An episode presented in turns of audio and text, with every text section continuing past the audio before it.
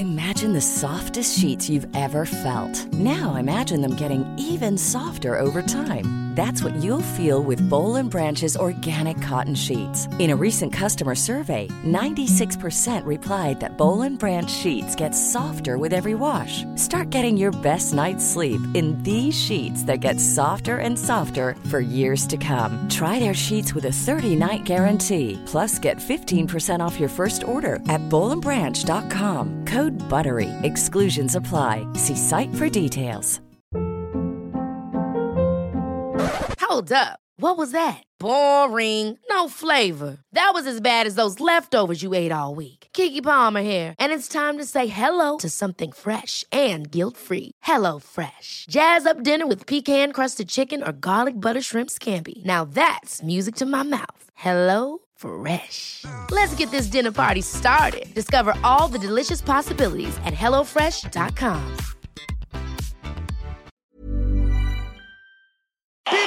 ancora Pirlo di tacco, tiro,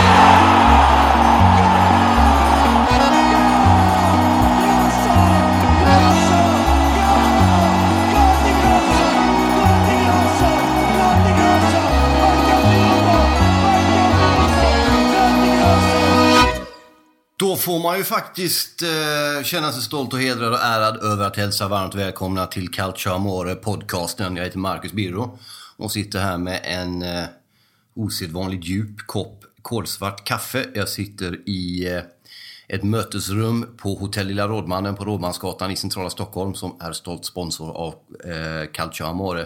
Och jag sitter inne i ett mötesrum som heter Reflektion.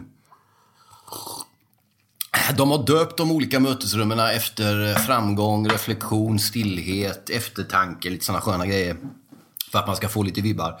Och det gillar man ju. Eh, reflektion är ju någonting som eh, det finns en del lag i den så kallade Serie A som bör ägna sig åt. Även jag bör med jämna mellanrum ägna mig åt denna reflektion. För att inte med berått mod ta sikte på närmaste dynghög och rusa dit för att stoppa ner mitt dumma huvud helt enkelt. Ett eh, råd som jag ger i stort sett allt och alla med att med jämna mellanrum ägna sig åt lite både själv och eh, självreflektion och reflektion. Ehm, eh, stolt sponsor är Freys Hotel och Hotell, Hotell Lilla Rådmannen av eh, eh, Calcio Amore. Vidare är även inblandade Oddsbaren som ni vet vid det här laget. Eh, svenska fans som eh, podden ligger på. Eh, vi ska göra så här också att ni som hittar podden via Svenska fans får jättegärna höra av er på alla sätt som finns. Min mailadress, inte bara ni från Svenska fans utan alla får höra av sig. Eh, Min mailadress är marcusmuseum.birro.hotmail.com eh, när, Och lämna gärna då tips på vad ni skulle kunna bidra med om ni vill göra sidan på Facebook bättre, om ni vill eh, föreslå gäster till podden. Vi vill väldigt gärna ha supportrar från alla lag i serien att eh, höra av sig. De sidorna finns ju just på Svenska fans, det var därför jag började i den änden. Ni får jättegärna höra av er, föreslå er själva eller någon polare eller något som skulle kunna tänkas komma och köta lite Milan eller lite Roma eller lite Inter och Napoli och hela gänget där. Eh, hade varit fantastiskt trevligt. Vi ska också försöka få tag i lite folk sådär. Eh, till detta avsnitt tänkte jag bara att vi skulle ta och sammanfatta omgång två som då tog slut sent igår kväll. Eh, nämligen med matchen Atalanta eh, som mötte Roma i Rom. Men vi börjar där vi börjar. Vi har gått igenom de eh, två första matcherna lite grann i eh, eh, tv-programmet som vi har. Varje söndag klockan 20.00 har vi ju Calcio Amore TV som vi drar iväg på Facebookgruppen. Eh, jag vill redan nu också börja med att tacka alla som gör den gruppen. Vi är väl runt 1500 medlemmar nu. Eh, som gör den så otroligt fantastisk med bra ton, bra ämnen, sköna bilder, fina inslag. Fortsätt att göra Calcio Amore till en samlingsplats för alla oss som älskar Serie A och älskar den italienska fotbollen. Stort tack till Oddsparen, stort tack till Patrik som är på välbehövlig semester just nu några dagar till. Som har skött all grafik runt det här projektet. Eh, Stort tack till Anton Avenäs som klipper och klistrar. Eh, Tack till eh, Svenska fans och tack till Frejs Hotel och Hotell Lilla Rådmannen som gör allt det här möjligt. Det kommer också komma upp ett eh, swishnummer som ni kan sätta in en hundralapp, en tjugolapp, en tia eller mer än så eller ingenting alls om ni vill. Det är ett erbjudande ni får. Men det hjälper oss att hålla den här eh, plattformen som ju då vuxit så starkt så fort att hålla den vid liv under längre tid. Det gläder oss, så gör gärna det. Eh, har ni ingen möjlighet så är ni precis lika välkomna att följa precis allt vi gör. Jag har även tre krönikor i veckan som publiceras på eh, oddsparen.com som handlar om den italienska fotbollen. Så vad det är sagt, missa inte det. Då. Nu måste jag ta en klunk kaffe här och försöka andas mellan varven också. Vi testar att göra det samtidigt då. Ah, så kan det vara. Vi börjar med Juventus-Lazio 2-0 i lördags. Eh, den så kallade superlördagen där vi dunkade in ett extra avsnitt som vi sen då följde upp i Calciamore TV i söndags 20.00. Juventus-Lazio som eh, såklart då var Cristiano Ronaldos hemmadebutpremiär. Eh, och eh, det finns något oförlöst. Det är något torrknull över honom. Det är mycket knäppta jeans och någonting som vill ut, som vill sprängas loss, som vill slå sig fri. Känns lite grann som att han har någon eh, liten grabb som bara vill slita sig ur bröstkorgen på honom och springa skrikandes över en blomsteräng över vem han är och varför. Han skulle behöva ett mål tror jag. Någon form av förlösning på det där. Man såg det när Mandzukic stänkte in 2-0. Ett mål som borde vara Ronaldos eftersom han kom precis eh, när Strakosha hade touchat bollen som gjorde att han kom lite snett med stegen och missade den och så kom han Sukic bakom och dunkade in den. Det, man såg efteråt att, mm, okej, okay, det där borde varit mitt mål. Men eh, Lazio står upp bra i de första 25 minuterna i den matchen. Eh, spelar, försöker hålla ner tempot, försöker hålla bollen inom laget. Vilket jag tycker man lyckades med under eh, eh den första biten av matchen. Att eh, försöka stänga ner Juventus så gott det går att inte bara i panik eh, slå bort bollen. De pressar ju högt, de pressar med, med liksom mycket folk och med, med eh, stor energi i Juventus. Så det är lätt att man tappar bollen och då genast hamnar i, i försvarsinriktning och för varje gång blir de starkare och till slut gör de mål. ungefär så såg det ut, men Lazio stod upp hyfsat bra tycker jag. Nu har de noll poäng på två matcher, Lazio, och eh, stängt bara ett mål va. Det var väl Immobile i första matchen mot Napoli, de fick stryk 1-2. Har två förluster då. 1-2 eh, hemma Napoli, 0-2 borta Juve. Ingen katastrofdag för Simone Inzaghi och Lazio. De kommer ta sina poäng såklart. Det är ett bra lag, bättre än vad de här nollpoängen efter två matcher visat.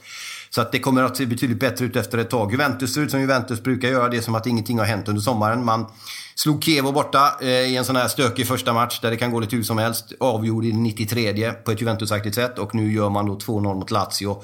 Eh, som ändå är förmodat eh, topplager åtminstone på i särklass den övre halvan av tabellen och man gör processen Kanske inte lika kort som man hade trott, men ändå rätt så kort. Man gör 2-0. Pjanic gör ett fantastiskt fint mål i första och sen gör man Sokic då mål i den andra och sen har man stängt det. Framförallt tycker jag det är ett intressant att man fick, efter att ha släppt in, då var det väl eh, tre mål man släppte in borta mot... Eh, ju, nej, två släppte man in. Förlåt, man fick stryk, eller vann, eh, ska jag ju säga såklart. 3-2 Kevo. Släppte ändå in två mål där alltså. Eh, och har ju lyckades då täta till det ganska omgående mot ett förmodat då bättre lag, eh, Lazio. Eh, och man såg även under matchen, tycker jag, när det gäller Juventus, hur man växte in i matchen. Hur, hur man... Eh, framförallt gällde det även backlinjen. Bonucci såg ut som att han var i Milan fortfarande, slog bort en del enkla bollar. Hade samspelet med Chiellini sitter ju där, men han har ju varit... Jag minns eh, några Italien-matcher under EM 20, vad det nu var, 16 va? Där han framförallt mot Belgien slog en, kolla den passningen, han slog till Jackerini tror jag det är som gör 1-0 för Italien mot Belgien i den här matchen. Den är helt fullständigt makalös den där passningen. Han gjorde ju mycket sånt, han är ju bra på det Bonucci. Han är ju inte bara en försvarsspelare av rang utan även en framspelare av rang. Och har spelsinne som få försvarare i världsfotbollen har. Det har man inte sett mycket av i Milan. Han spelade väldigt mycket enkelt och ganska mycket fel när han inte spelade enkelt. Så att, eh, och det tog lite tid även mot Lazio innan han kom in i det. Sen kom han in i det. Också stort när han eh, applåderade med böjt huvud mot Juventusklacken och mer eller mindre då får man väl säga, bad om ursäkt. Det var så det tolkades åtminstone. Eller hoppas att... Det var lite grann som en kattunge som kommer ut genom, eh, du vet, krälar upp under sängen efter att ha vad man nu har gjort under sängen som katt. Det vet inte jag, men du vet, ni fattar ju.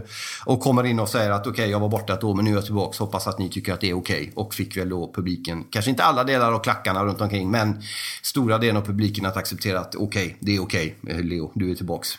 Eh, så sagt om det, Juventus vinner Lazio 2-0. Sen har vi då den här fantastiska kvällsmatchen i söndags, Napoli-Milan. Eh, I lördags kväll var detta. Eh, Napoli vinner 3-2. Och här måste vi då stanna vid Carlo Ancelottis sätt att vinna matcher. Vi snackade om det redan efter 1-2 borta mot Lazio.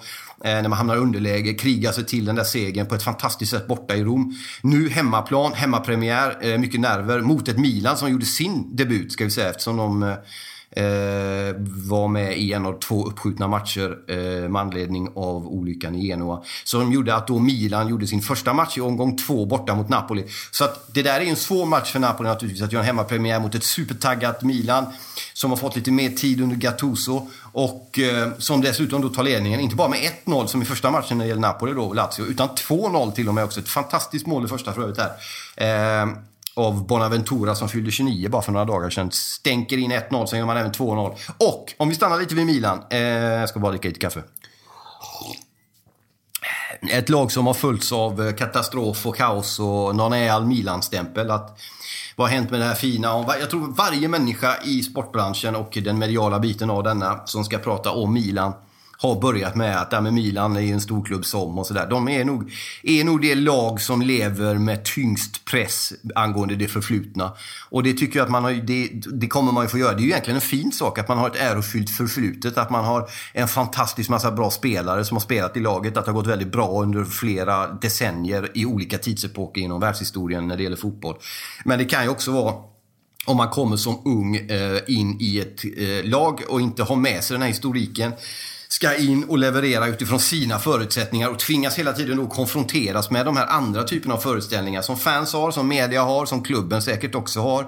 Det kommer nya ägare, gamla ägare lämnar, det tar lång tid för gamla ägares kultur att dö. Det ska, liksom, ska man bygga vidare på den gamla kulturen? Hur mycket av den gamla kulturen ska man bygga vidare på? Hur mycket av allt det där som man säger sitter i väggarna, sitter egentligen i väggarna? Hur mycket måste man riva ner de gamla väggarna för att bygga ett nytt Milan? Ska man bygga ett nytt Milan?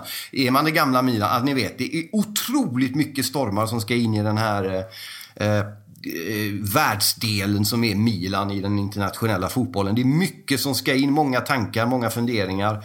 Så att det är naturligtvis inte lätt. I det lilla formatet när det gäller det här, och ni får ju ta jämförelsen för vad den är, men jag tycker ändå att den äger sin rättighet och berättigande i någon mening.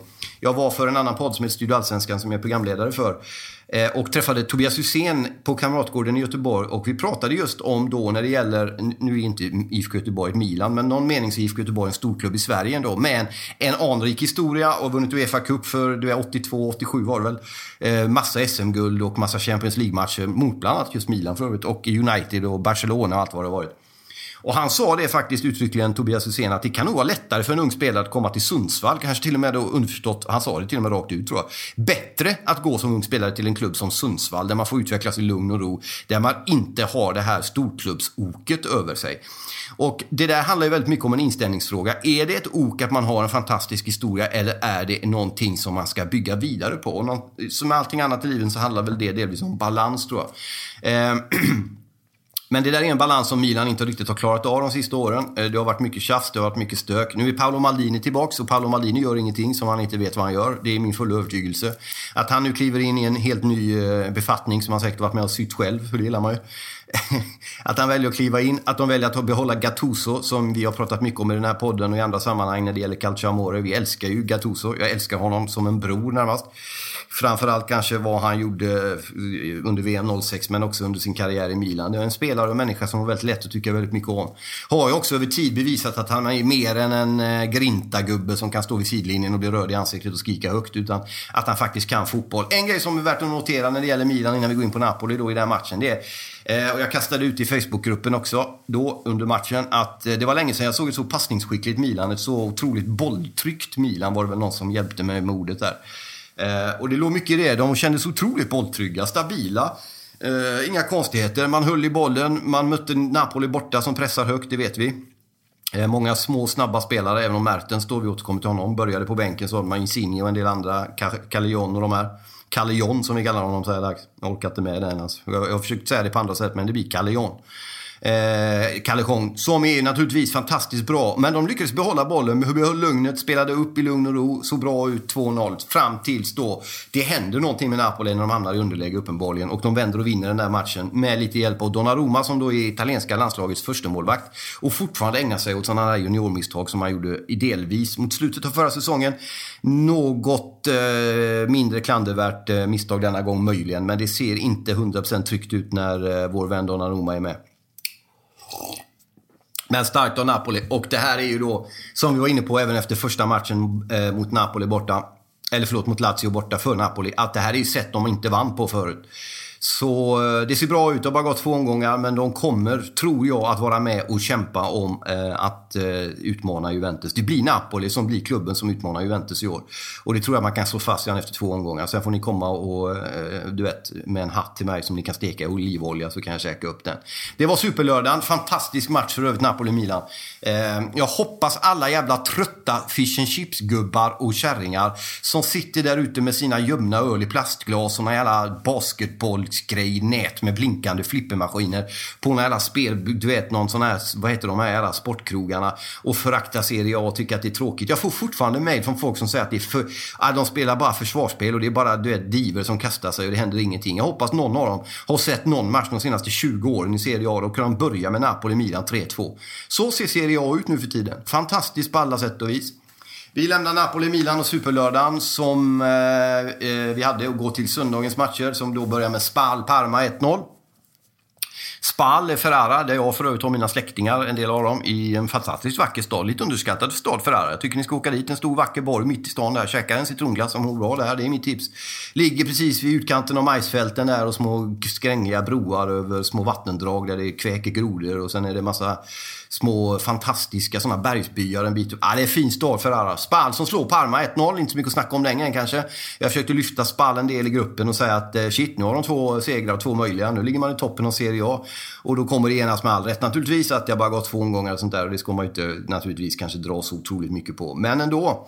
Eh, man har faktiskt två segrar och det där kommer ju, man kommer ju ha otrolig nytta av de där extra sex poängen. Parma ska vi säga, som ju då inför Serie A eh, talades om att de skulle starta på minuspoäng. Men som vanligt i Italien så är ingenting vad det verkar. Och lägger man över ytterligare en överklagan så brukar den gå igenom och det gjorde de. Så de fick börja med noll poäng som alla andra Parma och det tror jag nog inte var mer än rätt. Man fick omvandlat det där till ekonomiska böter istället för sportsliga när det gäller poängavdrag. Så Parma började med samma poäng som alla andra, nämligen noll.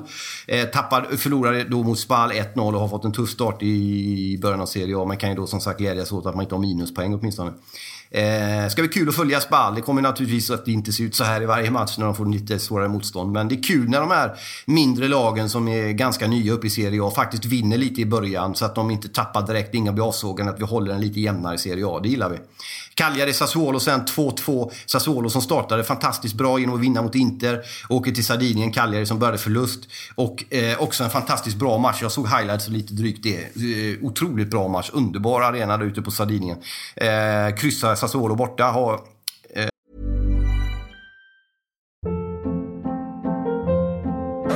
Hold up. What was that? Boring. No flavor. That was as bad as those leftovers you ate all week. Kiki Palmer here, and it's time to say hello to something fresh and guilt-free. Hello Fresh. Jazz up dinner with pecan-crusted chicken or garlic butter shrimp scampi. Now that's music to my mouth. Hello Fresh. Let's get this dinner party started. Discover all the delicious possibilities at hellofresh.com. Many of us have those stubborn pounds that seem impossible to lose, no matter how good we eat or how hard we work out. My solution is PlushCare. PlushCare is a leading telehealth provider with doctors who are there for you day and night to partner with you in your weight loss journey. They can prescribe FDA-approved weight loss medications like Wagovi and Zepbound for those who qualify. Plus, they accept most insurance plans. To get started, visit plushcare.com slash weight loss. That's plushcare.com slash weight loss. Quality sleep is essential. That's why the Sleep Number Smart Bed is designed for your ever-evolving sleep needs. Need a bed that's firmer or softer on either side? Helps you sleep at a comfortable temperature? Sleep Number Smart Beds let you individualize your comfort so you sleep better together. JD Power ranks Sleep Number number 1 in customer satisfaction with mattresses purchased in-store. And now, save 50% on the Sleep Number limited edition Smart Bed for a limited time. For JD Power 2023 award information, visit jdpower.com/awards. Only at a Sleep Number store or sleepnumber.com. Uh, börjat riktigt bra. Jag vet att det finns folk på Facebookgruppen som som faktiskt eh, tycker och tror och tänker att Sassuolo kan vara med och utmana om en Europaplats i år. Det ska bli intressant att se om man lyckas hålla över tid. Det, ju, det finns en del klubbar i Serie A som går väldigt starkt när det går bra. När det går mot, kommer tillbaka motstånd och man förlorar någon match eller två eller tre i rad så blir det betydligt tuffare för dem att komma tillbaka igen sen. Det ska bli kul att se om Sassuolo klarar det här. Fått en fin start, fyra av sex poäng efter två omgångar. Och två svåra matcher, Inter hemma, Cagliari borta. Eh, till skillnad då från Spal och andra som kanske har något lättare motstånd så är det i högsta grad kvalificerat motstånd och Sassuolo har gjort det bra. Eh, och eh, ska bli kul att se om de orkar. Sen har vi en spännande match som vi eh, Fiorentina-Kevo, nämligen Fiorentina som ju då eh, skulle möta Sampdoria i första matchen och fick den uppskjuten med all rätt då med tanke på det som hände i Genua med bron som rasade. Och eh, en fin sak här var ju att man hade hängt upp eh, eh David Astoris tröja i omklädningsrummet. Det var otroligt starka bilder, okommenterade bilder som drabbade både mig och säkert en massa andra väldigt starkt. En bild på Astoris tröja som bara hängde där helt enkelt. Och eh, eh av allt som hände när det gällde runt fotboll förra året och det var mycket som hände, och det var inte förra året, det var ju tidigare på säsongen i år. Eh, men den förra säsongen, om vi delar upp det mellan 2017 och 2018, så var det nog David Astoris bortgång som drabbade, eller det var det i, i, i särklass, det som drabbade mig åtminstone allra starkast. På väldigt många sätt eh, som vi kan ta ett specialprogram och ägna oss åt, för det här är ju kanske inte exakt det forumet denna dag då vi ska gå igenom omgång två. Men Fiorentina kör över Kiev 6-1 och det där är ett styrkebesked som eh, fanns en fantastisk bild efteråt eh, som jag tycker ni ska gå in och kolla på. Eh, eller det finns många fantastiska bilder. Dels den med David Astoris tröja, eh, men också med Diego Simones son och Diego Simone i samma bild som ser exakt likadana ut när de firar. Tobbe blir sköna den där. Han är duktig och alltså det är, det är ett otroligt styrkebesked. Kevo som ändå då nästan tog poäng av Juventus i första matchen. Eh, blir totalt förnedrade av Fiorentina borta helt enkelt. Kör över dem 6-1. Och eh, det ska bli kul att se Fiorentina. Jag tror ju att de har otroligt goda chanser att göra sin bästa säsong på väldigt, väldigt länge. Av många anledningar. Vi ska ta ett Fiorentina special. Eh, om ni hör detta och har kommit så här långt in i programmet så tycker jag ni ska försöka skicka mail till mig eller via Facebookgruppen Calcio Amore. Föreslå personer som kan komma och surra Fiorentina. Så att vi tar ett Florens-fokus under en program. Det, det, skulle vara riktigt, riktigt trevligt. Eh, 6-1 Fiorentina där. Sen går vi till Frosinone som fick storstryk i sin debut i Serie A mot Bologna, eh, Atalanta i första matchen 4-0 va?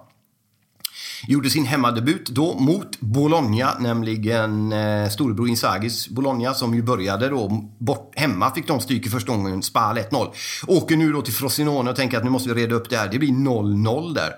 Och Frosinone tar sin första poäng i Serie A, Bologna tar sin första poäng den här säsongen i Serie A. Och eh, man ska inte säga att det blåser redan efter två omgångar, men Bologna har alltså då mött Spal hemma, Frosinone borta. Många hade nog drömt om i alla fall en fyra, minst, kanske till och med sex poäng i de matcherna. Nu har man en poäng efter Spal hemma, Frosinone borta. Och det är ju naturligtvis inte bra. Vi får se hur det går. Jag gillar ju Inzaghi och jag hoppas att han klangrar sig fast, som vi säger. Men eh, det, lär, han, det lär inte finnas allt för mycket tålamod i Bologna som kan vara en stökig klubb. Om Erik Friberg lyssnar på detta, Häckenspelaren, och det gör han ju, så kan du ju fortfarande känna att den här inbjudan du har, den står ju fast. Så kom hit och surra Bologna med mig. För Erik Friberg var ju proffs i Bologna under en period och det gillar man ju. Genoa sen gjorde sin första match då efter eh, att ha skjutit upp sin första omgång. Kom in i den andra, möter Empoli som vann i första matchen. Eh, 2-0 ju hemma mot Cagliari. Nu Empoli borta i Genoa. Genoa vinner 2-1. Eh, också eh, bästa möjliga start för Genoa att eh, besegra ett Empoli som kom eh, kaxiga och naturligtvis stärkta av segern eh, hemma mot Cagliari. Eh, men orkade inte stå emot så Genoa vinner 2-1. Sen Inter-Torino söndagskvällen 2-2. Inter leder 2-0. Och eh, många tror att nej, men nu är det ordning och reda. Framförallt tror Inter att det är ordning och reda. Och eh, Eh, ös på med folk som vill komma och surra Inter med mig. Vi måste ta både ett, två och tre Intergrepp under den här säsongen. För det är en otroligt märklig, eh, fascinerande förening på väldigt många sätt och vis. Det har talats, jag kollar på det här Domenica Sportiva ni vet, som går i RAI varje söndagkväll och har gått sen Hedenhöst, du vet. Sen de började dra kablar i Italien så har det programmet gått varje söndag. där det sitter distinkta gäster i, i, eh, i kostymer, alltid barfota i finskor.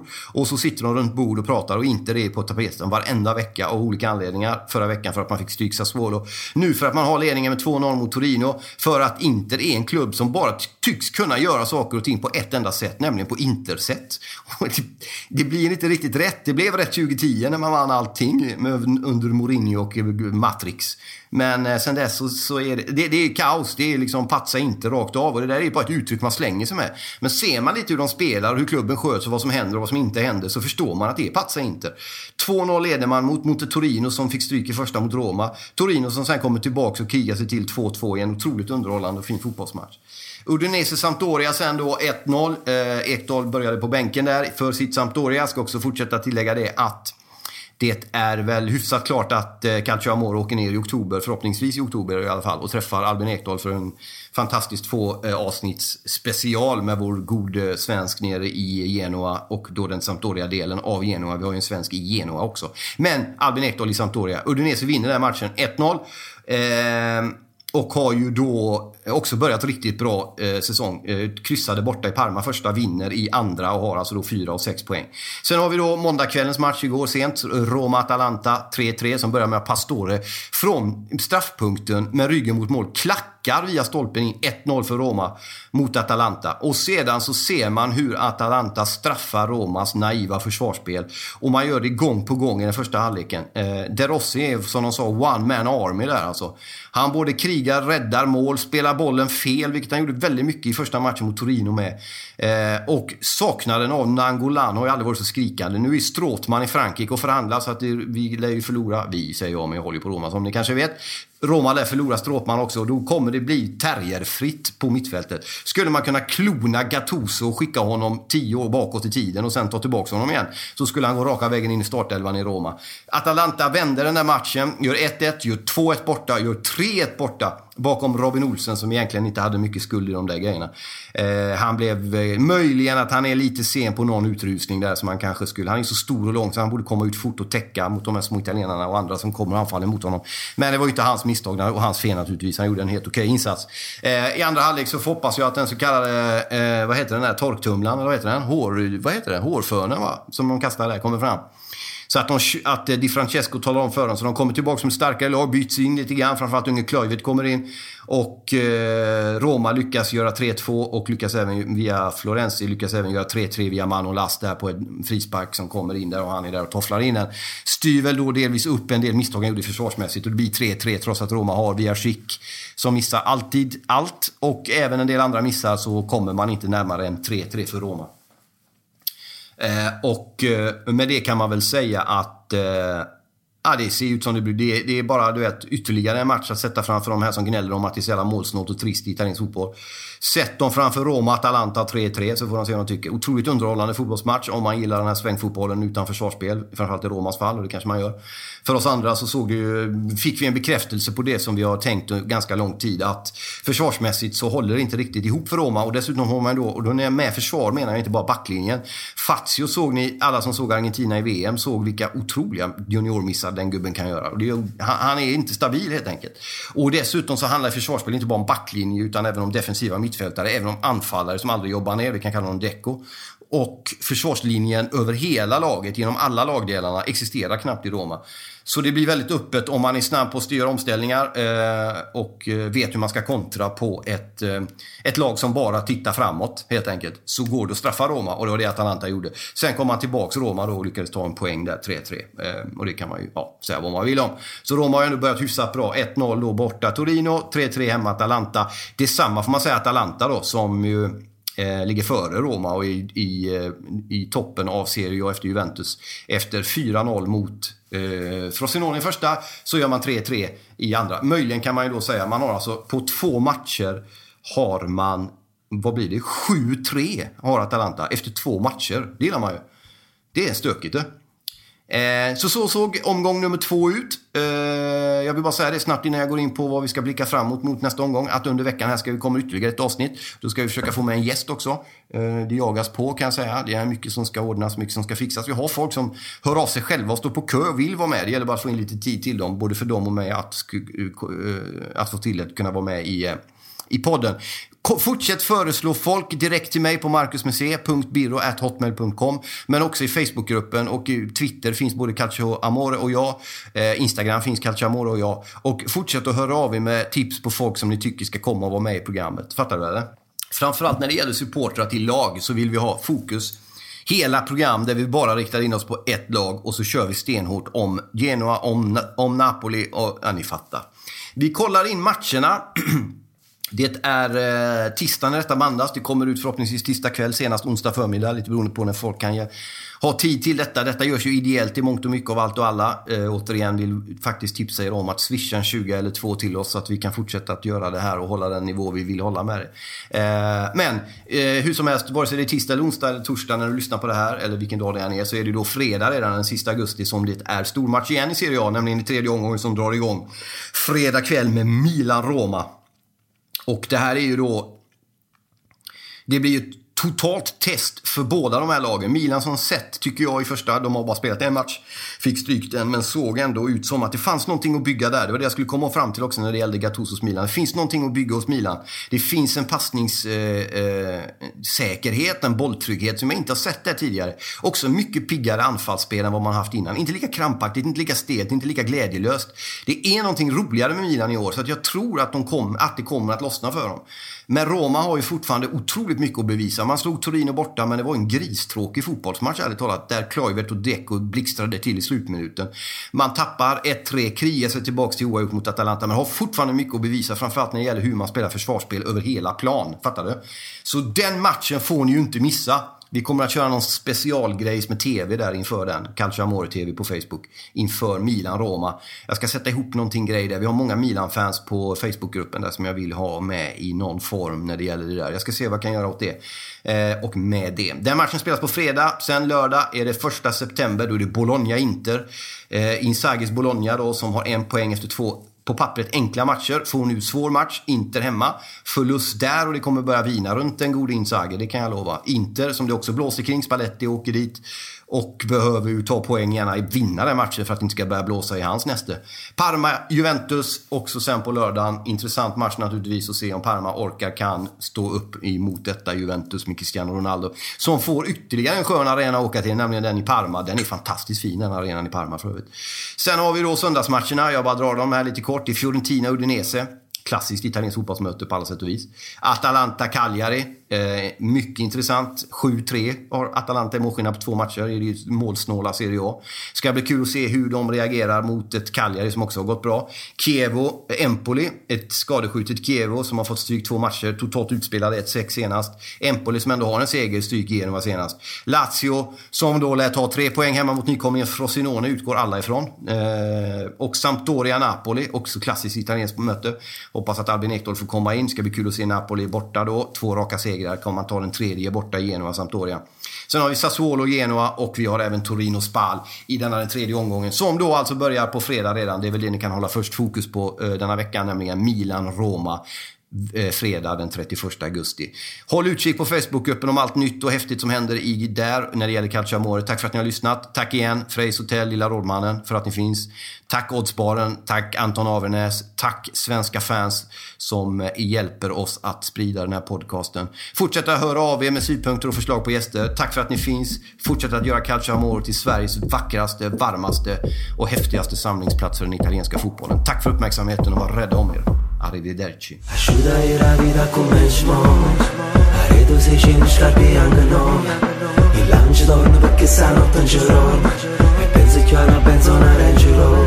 Faccio vincere la sfortuna tutti stradă mi vârtută Fac și ca partă recută Ne pe urma de creatură Nu volim în speranțe Ca ba senza distanță Quando tornano alla scuola Quando stanno a basso bar E mettono în mani pistola droga E tutta la di storia. A terra ne cam che scoria Ce portammo pure i giuro. O pensammo tutto quanto Ma non dice mai nessuno. Noi tenimmo una domanda Ma chi giudica, chi giudica? E oggi caso fuori rimane È logica che si rimane inerme Non cagna niente. Tiene vera fritta a verna Noi guardiamo in doppio binocolo Sti bastardi con mi ogna Senza risci fiecare șradă Proprii cuvânt o monopolă Mâna speranță, pe cambarimana Mâna speranță, pe cambarimana Mâna speranță, pe cambarimana Mana-i zadă, ghesta cava, azulă, pe chirimana mâna speranță Pe cambari mână mi muri mâna speranță Pe cambari mână mi muri mâna speranță Pe cambari mână Mana e țadă ghista cava Zulă bă chiri mână Saci mă ngă ghisa ungă să Straci la nă mă turnă ca. Straci bă tu te urnă ca Și faci oană nu dormă Guardă-mi faci oană de șpungă pa. Ragi mă bufe bombă ți Plan și ai să ne sună mina. Și cadă fanom Avita fa și lândă-mi prașă Du-te scoade rinda la Și de vodă nu mă capa Și de vodă nu-mi trovă pașă. Voglio un'altra prospettiva, prosperità attiva Mă guarda figlio mamatino Pronto pe nadu de stine Mastino, mastiva stiva ah. E castiga stirpano Vindo festina, destino. Istica rivoluzione Per ogni persona. Voglio benessere in da successo. Non voglio comprensione. Tutto te tutto buono ho brutto fa tutto l'amore, ho lutto da tutto amore. Ma sfrutta, mi sfrutta non muore speranza Che creatura linda pare